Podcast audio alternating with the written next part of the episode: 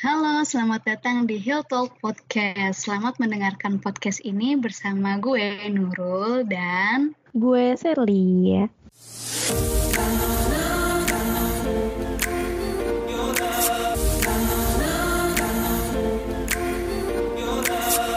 Rule. Oi. gue seneng banget deh karena awareness masyarakat terhadap kesehatan mental itu sekarang ini ya sekarang ini tuh kayak hmm. semakin meningkat banget gak sih? Iya, iya setuju banget banget banget banget uh, dan sekarang bahasan tentang kesehatan mental tuh udah jadi hampir jadi bahasan semua orang ya mulai dari uh, mahasiswa walaupun yang bukan mahasiswa psikolog gitu tuh terus artis-artis juga udah mulai aware tentang kesehatan mental gitu jadi bukan cuman dibahas sama psikolog atau mahasiswa-mahasiswa psikologi aja. Mm -mm, setuju sih, setuju. Terutama kayaknya karena saat pandemi gini tuh pas kemarin-kemarin ya orang-orang tuh lebih banyak explore gitu ya. Dan salah satunya yang mereka explore itu ya uh, si mental health ini gitu kan. Yeah. karena kan kondisi di pandemi gitu kan berhubungan langsung sama mental health mereka masing-masing. Jadi uh, ya udah bukan sesuatu hal yang tabu lagi sih menurut gue ya Iya betul dari uh, stres saat pandemi gitu-gitu ya. Benar-benar walaupun kesehatan mental nih udah mulai masyarakat udah mulai aware gitu tentang kesehatan mental, tapi sayangnya kayaknya banyak orang juga tuh yang masih belum terlalu paham gitu tuh tentang kesehatan mental tuh apa gitu. Jadi cuma kayak mm -hmm. tahu di cuman tahu di permukaan doang gitu tuh ya. Iya benar-benar. Uh, uh, apalagi sekarang tuh banyak banget istilah-istilah baru yang muncul gitu kayak contohnya uh, dunia pertoksikan lah, toxic positivity, toxic relationship, toxic productivity, terus ada juga uh, toxic parents gitu. Tapi sayangnya kemunculan ke, kemunculan istilah-istilah ini juga cenderung disalahartikan. Iya, nah iya kan Berarti kan bukan gue aja kan yang merasakan kayak gitu ya. Gitu lo juga kan ya. Atau mungkin teman-teman yang lain juga merasakan hal yang sama gitu. Tapi nggak ngeh kali ya. Gitu. Jadi kemarin tuh kita uh, gue sama Nurul sempet ngeliat thread di Twitter yang pembahasannya tuh berhubungan sama istilah-istilah mental health yang uh, disalahartikan. Oh iya betul tuh, betul. Ya kan. Mungkin juga karena kenapa disalahartikan mungkin karena emang istilah mental health itu tuh lagi kayak ibaratnya kayak naik daun kali ya gitu kan. Hmm. Terus jadi semakin famous istilah tersebut, maka semakin banyak juga lah orang-orang yang menggunakan kata-kata mental health itu padahal untuk sebuah kondisi atau situasi yang sebenarnya kurang tepat menurut gue. Mereka tuh kayak mau ikut-ikutan aja gitu ya. Mm iya, hmm. just a trend gitu ya. Iya betul. Karena kan sebenarnya istilah mental itu yang dunia pertoksikan tadi itu kan baru dikenal dan untuk mm -hmm. orang awam tuh kayak iya nih bener keren keren nih kata-katanya nih pakai deh gue pakai gitu tuh iya bener jadi itu pengaruh juga kali ya jadi uh, mereka nggak bener-bener search dulu nih apa sih istilah dari kondisi ini tuh apa sebenarnya terus apa penyebabnya segala macem tuh kayak gimana Betul sih.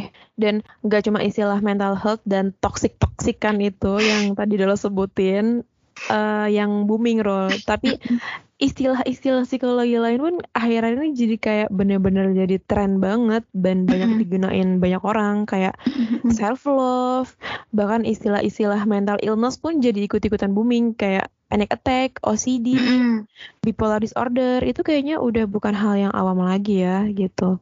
Padahal dulu kayaknya pas kita kuliah kayak wow itu kayak suatu hal yang emang kita belum pernah dengar sebelumnya gitu. Iya betul. Jadi uh, sayangnya juga diglorifikasi gitu nggak sih kayak dibangga banggain dia dia dia mengaku gitu kalau misalkan dia itu kena ini dan dia memba, dia bangga hmm. akan hal itu gitu loh. Kayak diglorifikasi terus akhirnya uh, anak-anak yang lain pada ikut-ikutan gitu. Iya, dan uh, dan mirisnya itu tuh jadi kayak self diagnose gitu ya Ser? Iya benar ujung-ujungnya self diagnose iya jadi kayak orang cuman gugup yang masih dalam batas wajar nih. Dia ngakunya panic attack kalau misalkan dia mood swing dibilangnya bipolar disorder. Padahal yeah. mah perubahan moodnya karena hormon saat menstruasi gitu misalnya yeah, benar-benar gitu kan. Dan ini sih ada lagi yang paling sering nih. Kalau misalkan ada nih orang perfeksionis dicapnya OCD iya iya. Benar sih benar. Tapi tadi benar banget sih yang kata apa jadi kayak merasa bangga banget punya suatu dicap yang punya mental illness gitu ya padahal kan Mm-mm. sebenarnya itu kurang tepat kan ya kita nggak bukan berarti kita menganggap rendah orang-orang yang punya mental illness justru tapi itu hal-hal yang bukan nggak pada tempatnya nggak sih untuk kita Iya. banggakan atau di eh, jadi tren gitu kan Mm-mm. gitu jadi eh, iya tadi benar banget yang perfeksionis itu dibilang OCD itu paling sering sih ya jadi kayak gue kalau misalnya padahal kan ada aja gitu ya orang-orang yang emang mereka tipenya ya detail oriented gitu dan Mm-mm. emang punya sifatnya perfeksionis tapi masih wajar batas perfeksionisnya nggak Iya. ngarah ke OCD gitu gampang banget kalau saya ke dalam yang OCD tuh kayak yang kayak gue jadi mikir lagi kayak bukannya OCD tuh bukan maksudnya masih beda kok sama perfeksionis gitu. Dia tuh sampai berulang kali sampai nggak bisa sampai gelisah gitu kan. Mm-mm, mm-mm. gitu. Jadi gue kadang suka kayak emang emang gue gitu ya kemarin belajarnya nggak gitu deh. Jadi banyak yang eh, itu ya lebih pintar dari psikologi as- psikolog aslinya gitu ya. iya bener-bener jadi kayak kayak kita belajarnya bener nih dulu nih.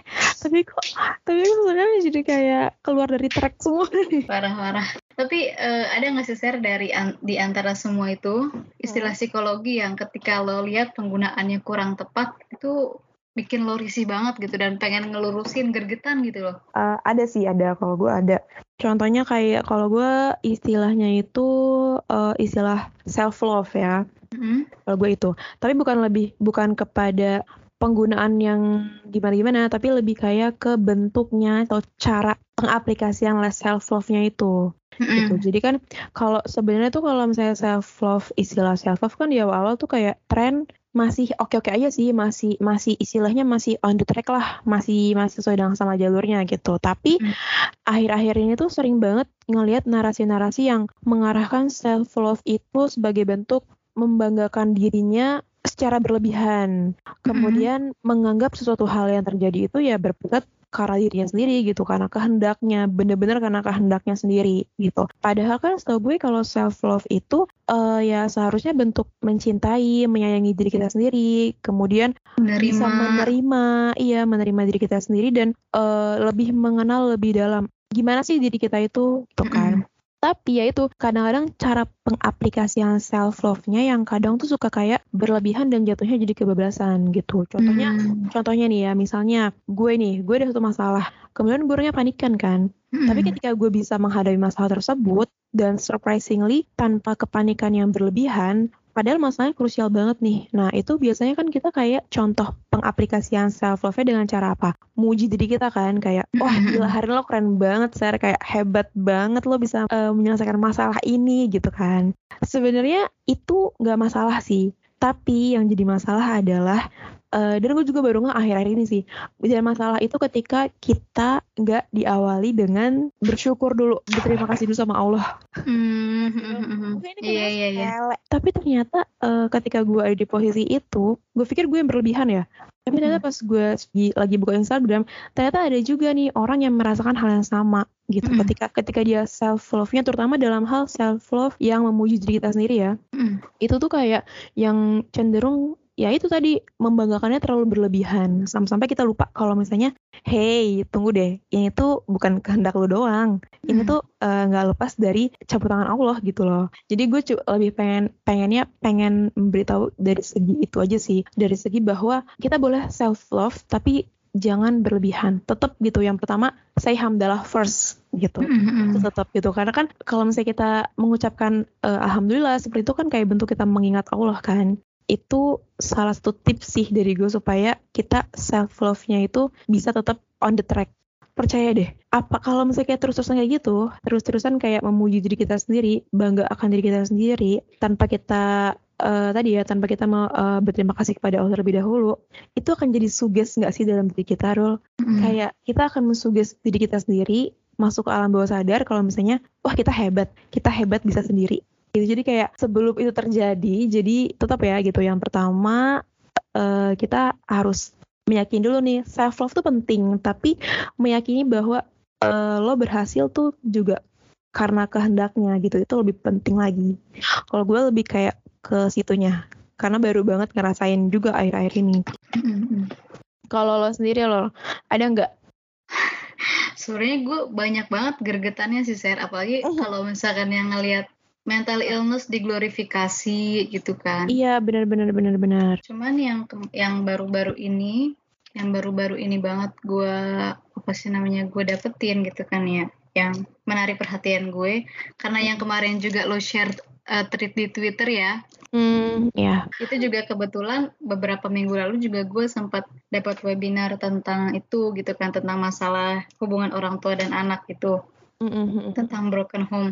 Nah di situ gue inget banget narasumbernya tuh ngomong jadi jadi ada yang nanya gitu kan ya eh, apakah orang tua berantem itu tuh artinya keluarga yang gak harmonis gitu kan ya? Hmm, ya, broken home gitu ya. Ya langsung dicap broken home. Apakah kalau misalkan orang tua gue debat segala macam itu udah bisa dicap broken home? Gue ini anak broken home gitu kan? Karena Iya. kan anak broken home itu kan gak cuman yang orang tuanya bercerai kan, tapi Mm-mm. kalau misalkan keluarganya nggak harmonis itu juga bisa termasuk broken home. Pokoknya kalau misalkan anaknya nggak mendapat kasih sayang yang apa sih seharusnya gitu tuh. Iya. Terus di situ kata pembicaranya, kata narasumbernya, nggak selalu orang tua yang berantem itu tuh tandanya nggak harmonis. Mm-mm. Karena sebenarnya kan gini ya, kalau misalkan dalam hubungan, dalam suatu hubungan, jangan kan hubungan suami istri, hubungan keluarga gitu ya, hubungan pertemanan aja pasti ada berantem berantemnya gitu kan Iya, iya benar. dan itu eh, berantem itu tuh bukan tanda nggak harmonis gitu kan ya tapi ah, ah.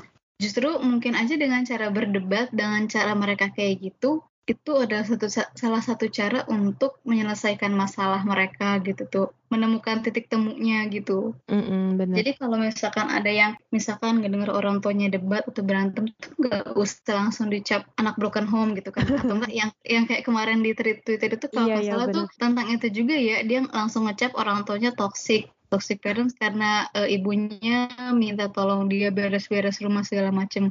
Itu kayaknya nggak tepat banget sih maksudnya langsung karena karena cuman minta apa sih minta tolong buat bantu tolong. beresin rumah langsung di ah, langsung dicap toxic parents gitu tuh kayaknya nggak nggak tepat banget Iya, iya benar-benar.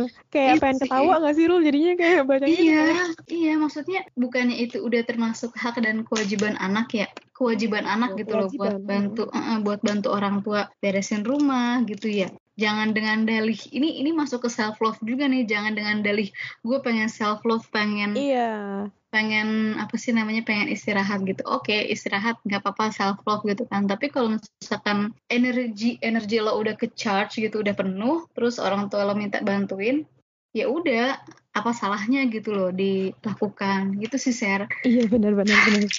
iya, jadi kadang-kadang suka self love tuh kayak jadi tameng gitu gak sih? Ta-. Tameng dari kemalasan kita sendiri. Betul, betul Padahal banget. males, bilang aja males, nggak usah dari pakai Iya. self love deh gitu.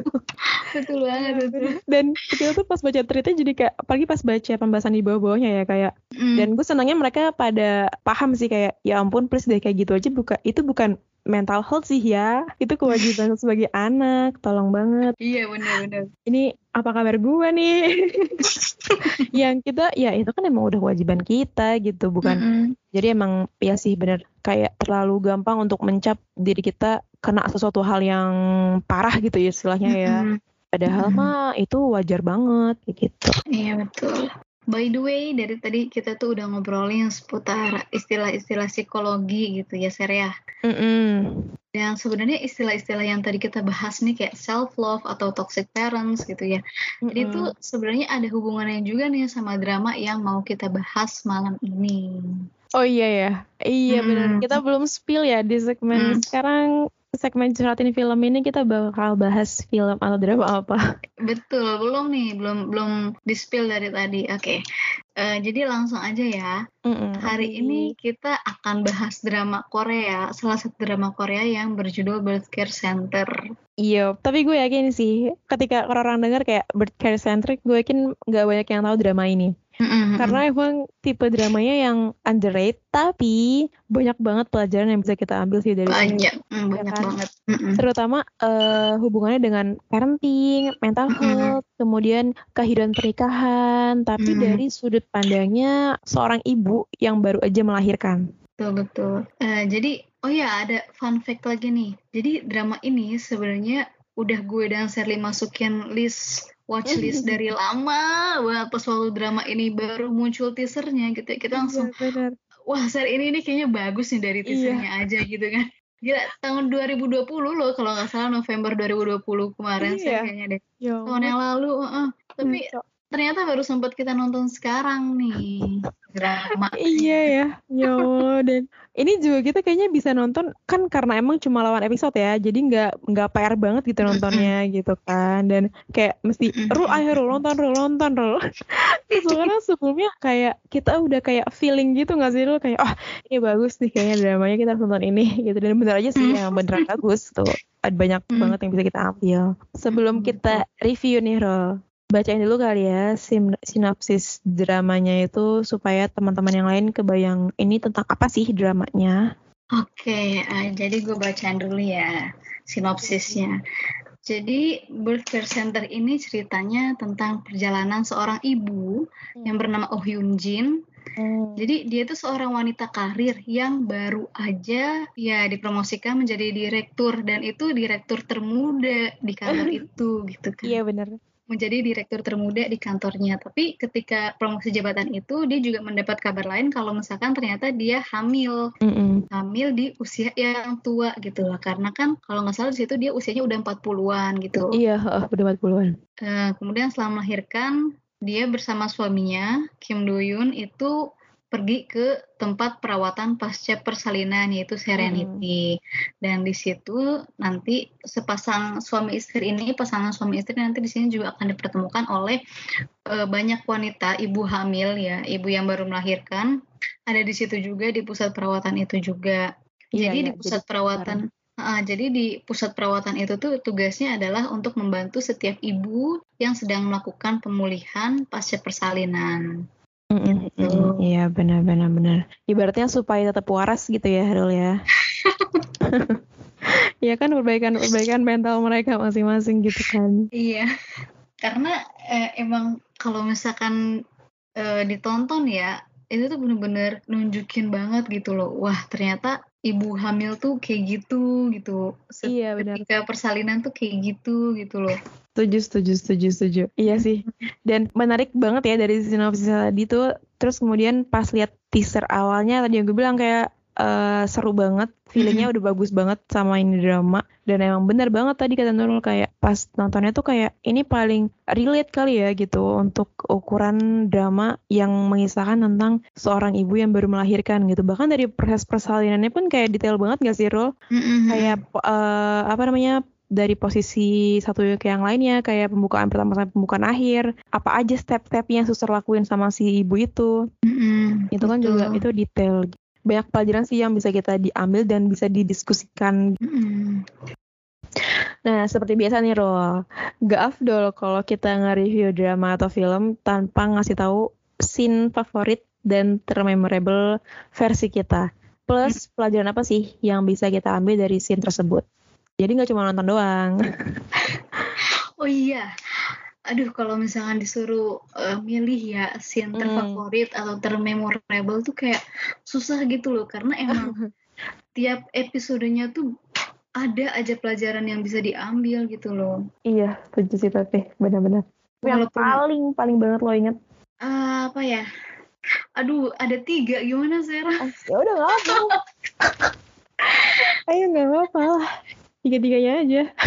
Oke, okay. uh, eh, jadi ini ini ya sekalian spoiler juga gitu. Iya udah pasti spoiler emang, ya kalau di kita ya guys. Tolong yeah. jadi kalau menonton tonton dulu ya. Kalau misalnya kalian gak suka spoiler, sayang banget gitu. Episode ini nggak bisa kalian dengerin. Tapi kalau misalnya kalian suka spoiler ya nggak apa-apa dengerin aja. Gitu. jadi uh, yang episode eh uh, scene yang pertama. Jadi ini kan Birth Care Center itu awalnya itu ngambil point of view dari si wanita karir itu ya. Iya benar. Ya kan, jadi dia kayak menceritakan hari-harinya ketika dia berada di pusat perawatan pasca persalinan itu di Serenity itu. Mm-mm. Nah, sini yang pertama kali langsung duk gitu tuh. Mm. Ini ini jadi gini, ini tuh pas waktu scene yang pertama ini tuh scene yang paling menarik perhatian gue pas waktu gue belum nonton drama ini cuman kan gue sempat tuh ngeliat cuplikannya di Instagram oh. gue ngeliat cuplikan uh, drama ini dan gue mikir kayak ih kok gitu sih? Gitu tuh. Itu ketika si Oh Hyun Jin si wanita mm -hmm. karirnya ini lagi coba berbaur ke tiga ibu. Jadi tiga ibu yang baru uh, melahirkan juga ini kan. Oh iya ya, uh, uh, uh, yang nah, di pusat itu ya. Iya, jadi salah satunya ini ada namanya ibunya si kembar. Nah, hmm. ibu si kembar ini tuh dia diagung-agungkan banget karena pas waktu kelahir, uh, kehamilan pertamanya, jadi ini kehamilan keduanya dia gitu kan. Iya. Pas waktu kehamilan pertamanya dia itu melahirkan anak kembar dua laki-laki. Proses persalinannya juga uh, apa ya namanya kalau mereka tuh dibilangnya alami gitu loh tanpa operasi. Yeah, Jadi benar-benar ya, uh, persalinan normal gitu. Dan juga si ibu si kembar ini tuh bisa menyesu menyusui anak-anaknya hingga dua tahun. Mm -mm, Jadi kan yeah, dengan bener. tiga dengan tiga kehebatan itu tuh dia kayak benar-benar disanjung-sanjung banget gitu loh. Iya, leadernya ya di situ ya. Benar-benar. Bahkan si direktur pemilik pusat itu aja kayak ngomong jadikan dia contoh gitu loh kalau misalkan ada apa-apa nanyanya ke si ibu si kembar ini aja gitu. Hmm. Nah, pada saat itu scene itu mereka tuh kayak lagi minum teh, hmm. terus lagi diskusiin tentang wanita karir dan ibu rumah tangga. Uh. Karena ini lagi ngebahas tentang anak ya, mana yang lebih baik antara ibu rumah tangga dan wanita karir dalam hal uh, pengasuhan anak, dalam hal pemberian ASI segala macem gitu kan. Uh -uh. Di situ tuh si Oh Hyun Jinnya uh, kayak meremehkan gitu loh, meremehkan ibu rumah tangga. Iya iya. Kayak emang apa hebatnya sih jadi ibu rumah tangga? Kalian di rumah aja sampai mengendur gitu tuh. Jadi kayak istilahnya uh, otot-ototnya itu tuh mengendur jadi lemak kayak gitu tuh. iya iya. Gue langsung kayak wah oh, ini. Iya. Maksudnya Maksud, gue langsung kayak mikir, waduh ini jahat banget ya. Maksudnya ibu rumah tangga itu kan nggak nggak cuma santai-santai loh kerjanya gitu kan ya. Apalagi kalau misalkan udah punya anak udah ngurusin rumah gitu, jaga anak terus juga uh, nyiapin bekal suami misalkan. Iya betul. Nyiapin kebutuhan suami gitu. Jadi maksudnya uh, itu sih termemorable yang pertama.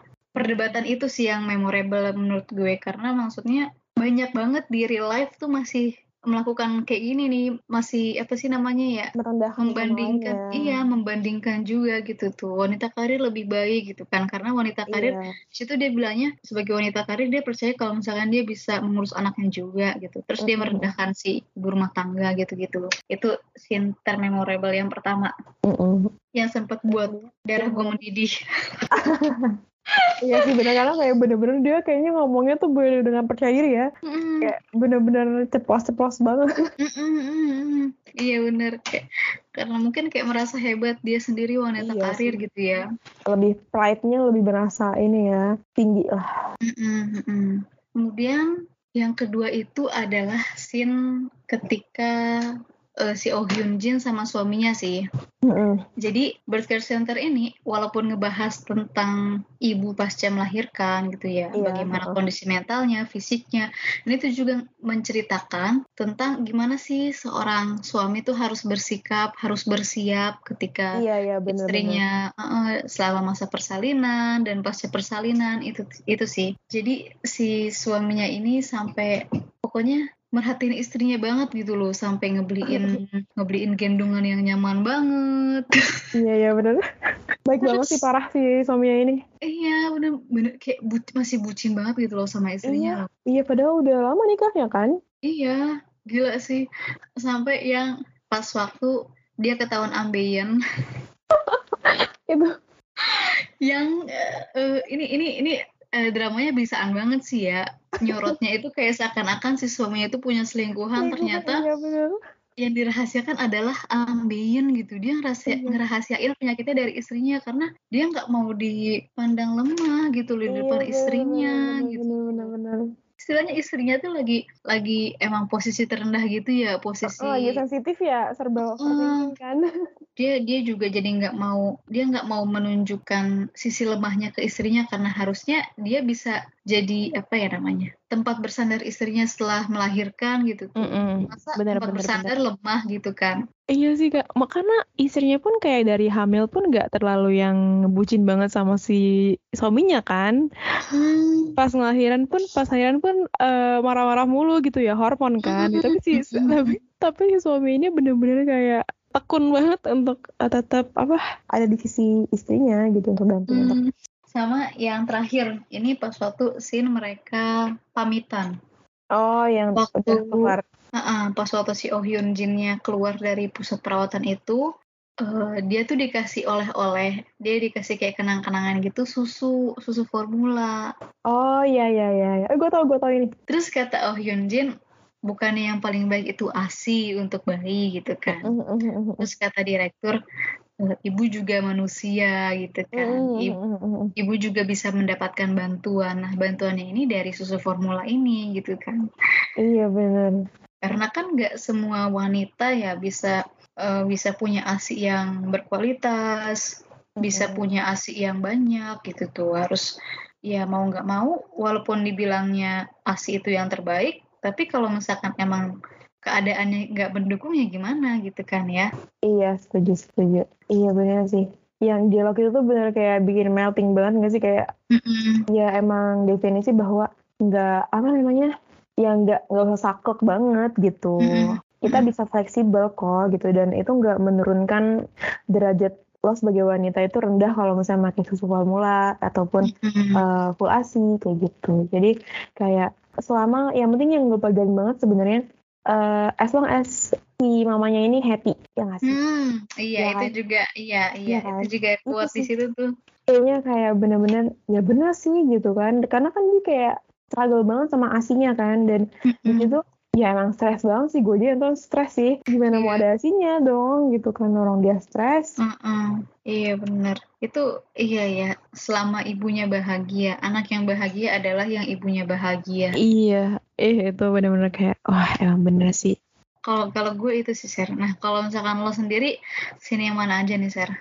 Kalau gue scene-nya itu yang gue ininya sih ya namanya bentuk komunikasi antara si si ceweknya ini si wanitanya ini sama hmm. si suaminya gitu terutama yang pas bagian ini jadi uh, gue tuh ngerasa relate banget sama pemikiran si ceweknya ini loh mm-hmm. jadi tuh dia ngerasa kalau misalnya dia tuh nggak mau dia tuh dia, dia tuh malu untuk menunjukkan uh, hal-hal yang memalukan gitu loh dalam dirinya ya mm-hmm. sih Rul yang kata dia yeah. dia lagi pumping dia nggak suka uh-huh. kalau suaminya ngelihat dia dalam keadaan lagi pumping kayak gitu kan mm-hmm. terus yang ini yang si ceweknya ini dia kena apa mastisis ya pokoknya uh, tersumbat gitu kan asinya nah itu kan butuh kayak dan itu dia dia nggak nggak pengen banget tuh nggak dia dalam kondisi kayak gitu diliatin sama suaminya gitu malu gitu hmm. istilahnya ya dan hmm. uh, si suaminya pas banget datang gitu kan itu tuh bener-bener kayak yang gue mikirnya wah emang bener sih ya. Dari situ gue bisa ngambil pelajaran kalau misalnya ya itu dunia kehidupan pernikahan kayak gitu. Mau uh, walaupun kita nggak pengen menunjukkan sisi terlemah kita menunjukkan sisi yang kita anggap malu gitu tapi ya hmm. memang harus ditunjukin gitu. Karena uh, ya udah emang kehidupan pernikahan tuh kayak gitu. Kayak gitu. Ya. Saya baru jadi pelajaran banget gitu. Terus sama yang ini sama scene yang mereka lagi di mobil yang abis mm -hmm. cek abis check up yang kata yang kata si suaminya itu kayak bikin salve yang bikin apa? Oh. iya. Iya iya. Abis pas banget gak sih? Mukanya tuh kayak gitu banget ya. Itu itu uh, apa namanya? Gue kayak bener-bener ngeliat kayak eh gila ini gue banget sih kalau gue jadi ceweknya Mm-mm, iya tipe sama sih. mendem kayak gitu yang maksudnya nggak gue nggak berani untuk ngutarain gitu loh. Gue akan akan akan mendem dan akan berpik overthinking dengan pikiran gue sendiri. Padahal ketika dia berani ketika dia di scene ini loh yang di scene kamar mandi mm. si ceweknya tuh akhirnya beraniin buat bilang kan kalau misalnya mm. sebenarnya itu kenapa sih pas kejadian itu? Ada apa sih? Nah itu yeah, itu gue gue salut sih gitu. Wah apa gue ngerasa kalau misalnya hidup kehidupan pernikahan tuh ya emang harus diutarain semuanya gitu. Nggak boleh ada yang mendem-mendem tuh. Nggak tahu deh kalau misalnya gitu kan kayak wawalan banget ya. Gimana tuh nasib hmm. pernikahannya kan? Kalau saling mendem emang harus diutarain mau semalu apa pun mau se kelihatan lemah apa pun ya itu harus diutarakan sih. Hmm. gue lebih ke scene-scene yang kayak gitunya. Hmm. sama yang ending sih lo oh yang ending yang mana yang ending yang ketika tahu kalau misalnya oh suaminya tuh ambeien bukan selingkuh. Oh. Itu gue langsung kayak yang oh gila ya. Bener-bener emang nih uh, approve lah suami istri ini udahlah. Udah. Menghadapi suka dukanya. Itu sih kalau gue scene scene favoritnya Tapi kalau misalkan masalah komunikasi berarti sama juga sih ya yang sama ibunya si kembar itu loh. Hmm, iya, uh, kalau dia uh, sama suaminya ya yang cuek. Hmm. Tapi kalau itu gue udah kesel duluan sih dulu. Abis itu kayak udah gak ada harapan gak sih pas di awal-awal tuh kayak ih ini kayaknya gue udah gue udah curiga sih sebenarnya nggak mungkin orang perfect banget hidupnya pasti sama suaminya ada something nih Iya bener. bener aja kan Dan ini ya maksudnya si pas waktu flashback awal mereka pacaran itu tuh sebenarnya kelihatan banget mereka saling sayang gitu ya, Iya, romantis iya. banget itu kan. Dan ternyata di akhir tuh dijelasin kalau misalkan ternyata setelah si si ibu ini si perempuan yang tadinya pilot kan ya, ternyata Mm, eh pilot pramugari, pramugari, pramugari terus dia resign kan buat fokus ke Iya. anak-anaknya. Nah setelah dia melahirkan si kembar ini dia tuh jadi nggak men- nggak mendahulukan dirinya gitu tuh. Jadi dia menempatkan iya iya bener bener bener jadi menempatkan posisi dia tuh ada di bawah anak-anak dan suaminya. Jadi kalau misalkan dia tuh nggak dia tuh dia tuh selalu ngomong baik-baik aja gitu. Mm, mm, mm. oh iya iya bener bener bener Mm, dan Makanya- dan jadi orang suaminya juga nggak tahu ya kalau misalnya sebenarnya dia ya nggak baik-baik aja gitu ya iya, kata suaminya juga. "Nah, soalnya kamu selalu ngomong baik-baik aja. Jadi aku kira kamu tuh emang beneran baik-baik aja. Padahal sebenarnya kamu tuh butuh bantuan gitu. iya sih Dan gue juga jadi mikir nanti kalau misalkan gue nikah, apakah gue kayak gitu nggak ya? Karena maksudnya kan kita mikir pasti kita mikir gini ya. eh aduh mau minta tolong suami misalkan ya mau minta tolong suami gantian jagain anak-anak tapi kayaknya kelihatannya dia capek banget gitu tuh. iya iya bener bener setuju setuju setuju Padahal Ya tanpa sadar kita juga capek gitu loh. Kita juga butuh bantuan tanpa sadar ya. Mm, mm, mm, mm. Kita harus bisa jadi istri, terus bisa jadi eh, ibu yang baik. Ibu. Eh, terus juga kita tuh harus bisa meluangkan waktu buat diri sendiri gitu. Iya bener Iya sih setuju Terus- Walaupun kita belum di fase itu ya Rul Tapi kayaknya tuh merasa banget Pas nonton itu kayak bisa Bisa tahu kayak Oh iya ya bener-bener kayak Detail-detail yang Kita tuh perannya kalau udah nikah Bukan sebagai istri sama ibu aja Tapi harus ada loh Ruang untuk diri kita sendiri juga Kayak gitu. Karena kan dari kita yang tadinya single Yang emang mikirin diri kita sendiri Sampai kita ke tahap itu Pasti kan eh, nggak bisa langsung gitu aja gitu nggak bisa nggak bisa mengindahkan peran kita sebagai diri kita sendiri gitu kan Mm-mm. Iya Iya betul. sih, bener bener bener eh tapi bener juga sih yang pas dijadi si cewek eh, si cewek yang mamanya mam kembar itu itu tuh gue kayak Hmm. pikir kayak yang tadi lu bilang kayak iya ya gue kayak gitu nggak ya apalagi orangnya gak enakan gue nih aduh gue langsung yang terus kalau misal pas yang di endingnya itu akhirnya karena dia bilang kayak gitu komunikasinya Hmm. udah bagus itu ya maksudnya pede udah langsung apa cepat-cepat saja gitu bangun bangun Iya. ini nih anaknya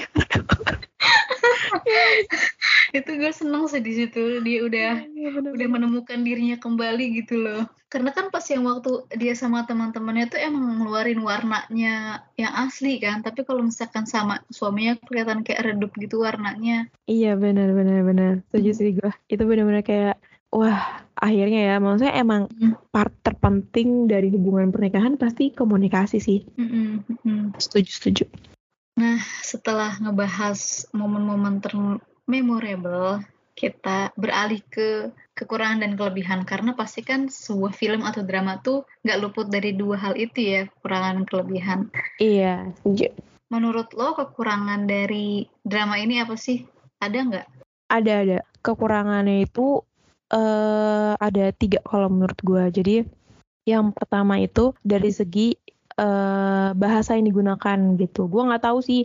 Gue nggak tahu ini tuh emang karena kita dapatnya yang subtitlenya emang kurang bagus apa gimana. Tapi bahasanya tuh ada beberapa kata-kata yang menurut gue kayaknya bisa dihalusin deh. Ada kata-kata yang seharusnya enggak nggak frontal kayak gitu. Kayak yang bikin salah paham gitu. Kayak misalnya yang di awal-awal tuh di awal-awal si ibunya itu si ibu pemilik birth care centernya itu bilang kan Mhm. kalau misalnya iya karena setelah melahirkan tuh pasti tubuhku mau jadi rusak jadi Mhm. pokoknya pokoknya ibaratnya yang negatif-negatif deh kayaknya tuh gue nontonnya sebagai orang yang belum di fase itu ya gue jadi takut sendiri gitu kan jadi kayak yang jadi kayak yang ya apa sih kok kayaknya kok kayaknya serem banget diginiin ya Mhm. kok kayaknya kayak jahat banget sih padahal kan dia baru ngelahirin ya tapi langsung dikasih kata-kata yang kayak gitu jadi gue Hmm.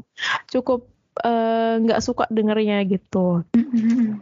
itu yang pertama gitu kan. Terus yang kedua itu eh momen di mana peraturan yang apa namanya kalau misalnya kenapa ya eh, dia cuman ketemu sama anaknya pas lagi eh, ngasih asi. Walaupun ternyata ternyata di akhir baru dikasih tahu tuh ada jam khususnya juga ternyata apa kan pas dia ke kamar. Mm. cuman kayak telat aja gitu gue keburu suzon duluan.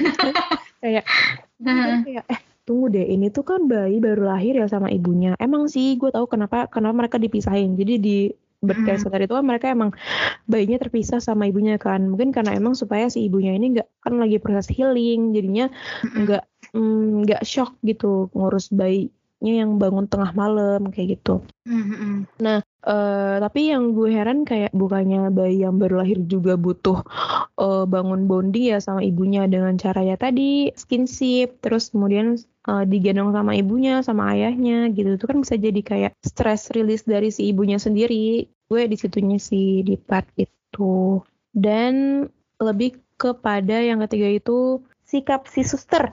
Hmm. Nah, itunya mungkin emang di sana kayak gitu kali ya gitu. Maksudnya eh, terbiasa gitu ngomong kayak gitu.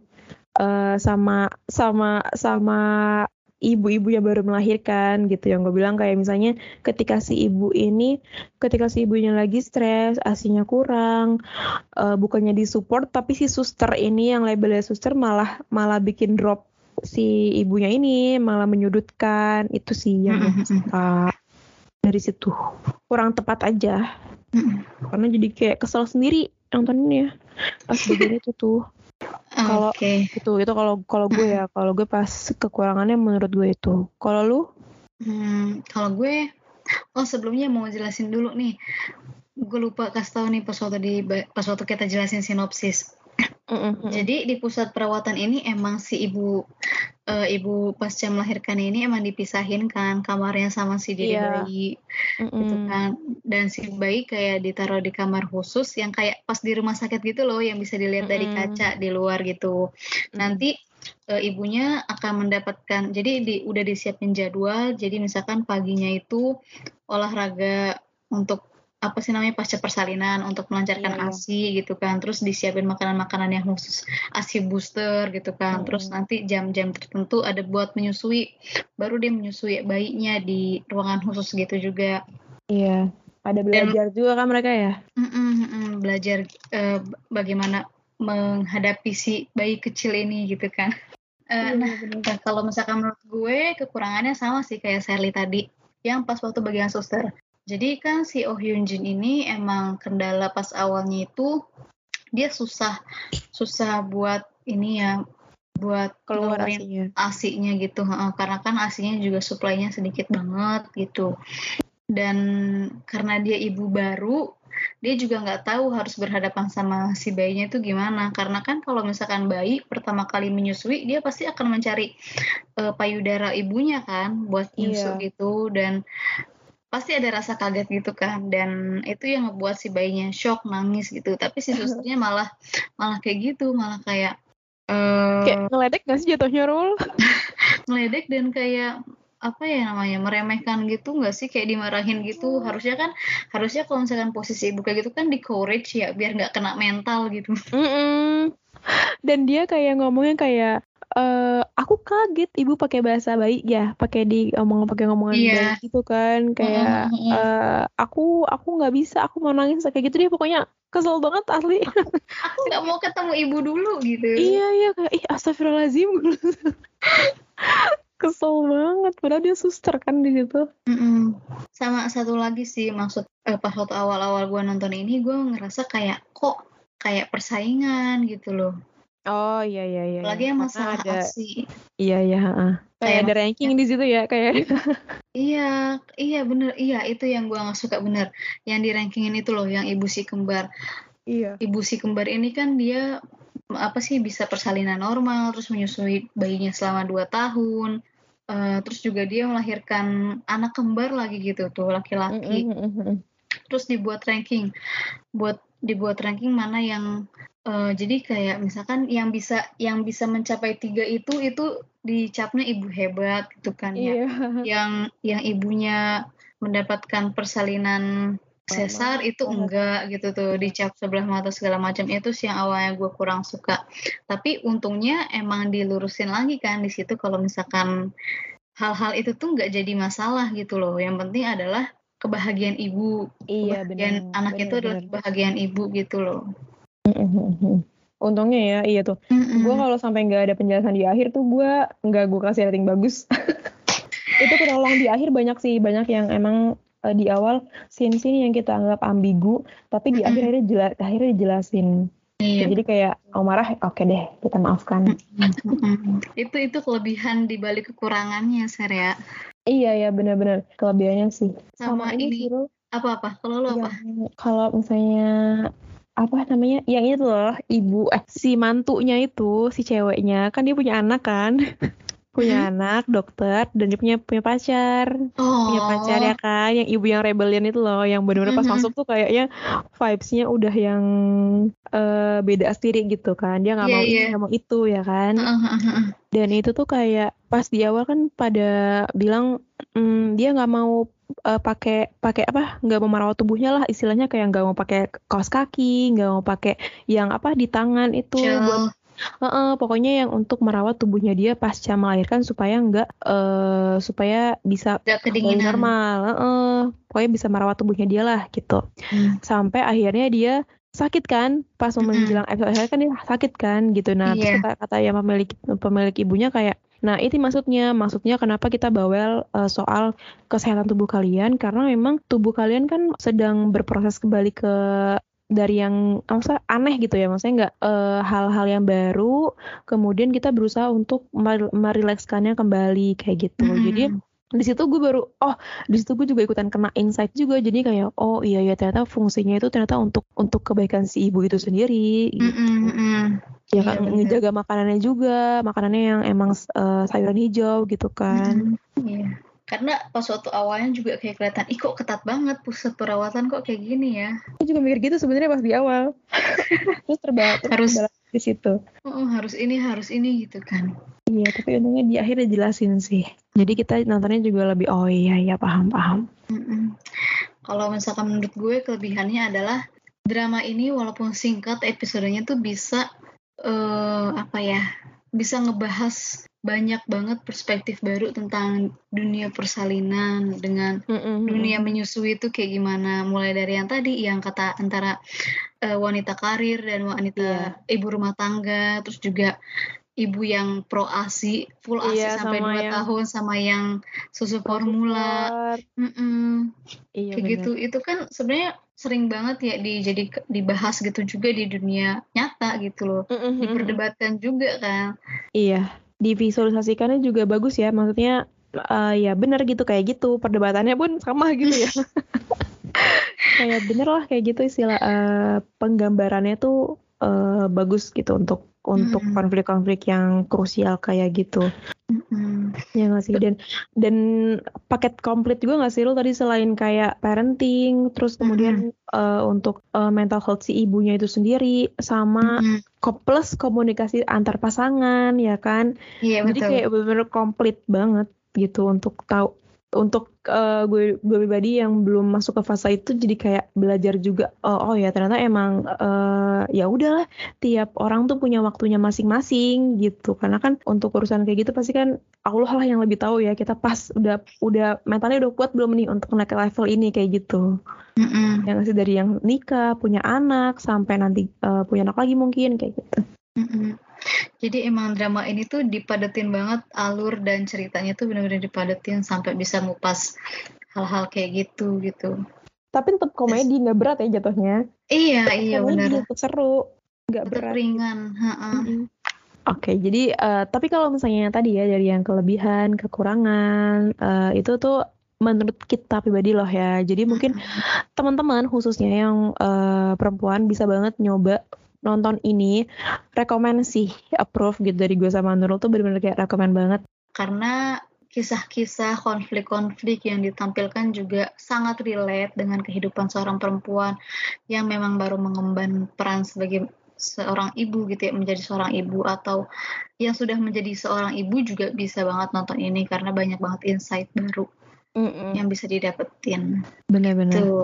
Dan jadi ngingetin kita lagi ya Rul kayak sebagai anak kita tuh nggak tahu gimana berjuangnya orang tua kita membesarkan kita sampai sekarang gitu. Mm-hmm. jadi walaupun uh, ini ngomongin yang kemarin ini kita temanya tentang pola asuh. Jadi walaupun kita tahu nih pola asuh yang mereka terapkan ke kita kurang tepat tapi jangan sampai membuat kita jadi sok tahu segalanya. Dan malah jadi membangkang atau durhaka gitu sama orang tua kita gitu. Karena itu kan sebenarnya karena itu nggak dibenarkan sama sekali ya Setuju, setuju. Disclaimer juga untuk pembahasan tentang uh, pola asuh orang tua yang kita bahas kemarin. Kalau misalkan kalian udah tahu nih pola asuh orang tua kalian itu seperti apa, jangan jadikan alasan itu sebagai uh, kalian gak berbakti kepada mereka gitu. Bijaklah dalam berkata dan bersikap karena bagaimanapun juga uh, mereka ini orang tua kita ya. Sampai kapan pun gitu uh, orang tua tetap menjadi akan selalu menjadi rumah tempat kita untuk berpulang. Iya, um, puitis banget ya kalau ngomongin orang tuh jadi kayak puitis melo-melo gitu. Mm, kalau iya, orang tua. iya, walaupun kadang emang kita suka bandel gitu ya. Iya sih, ya wajar lah ya. manusiawi, manusiawi. Manusiawi. Asal cepet tobatnya aja. Yaudah nih Ser, karena udah kepanjangan juga nih kita bahas episode hmm. kali ini gitu. Mungkin kita akhir aja sampai di sini kali ya podcast kita hari ini. Hmm, yep. Oke, okay, jadi semoga siapa pun yang mendengarkan podcast ini bisa mengambil insight dan manfaat dari obrolan kita hari ini ya. Oke, okay. see you in the next episode. See you. Bye. Bye.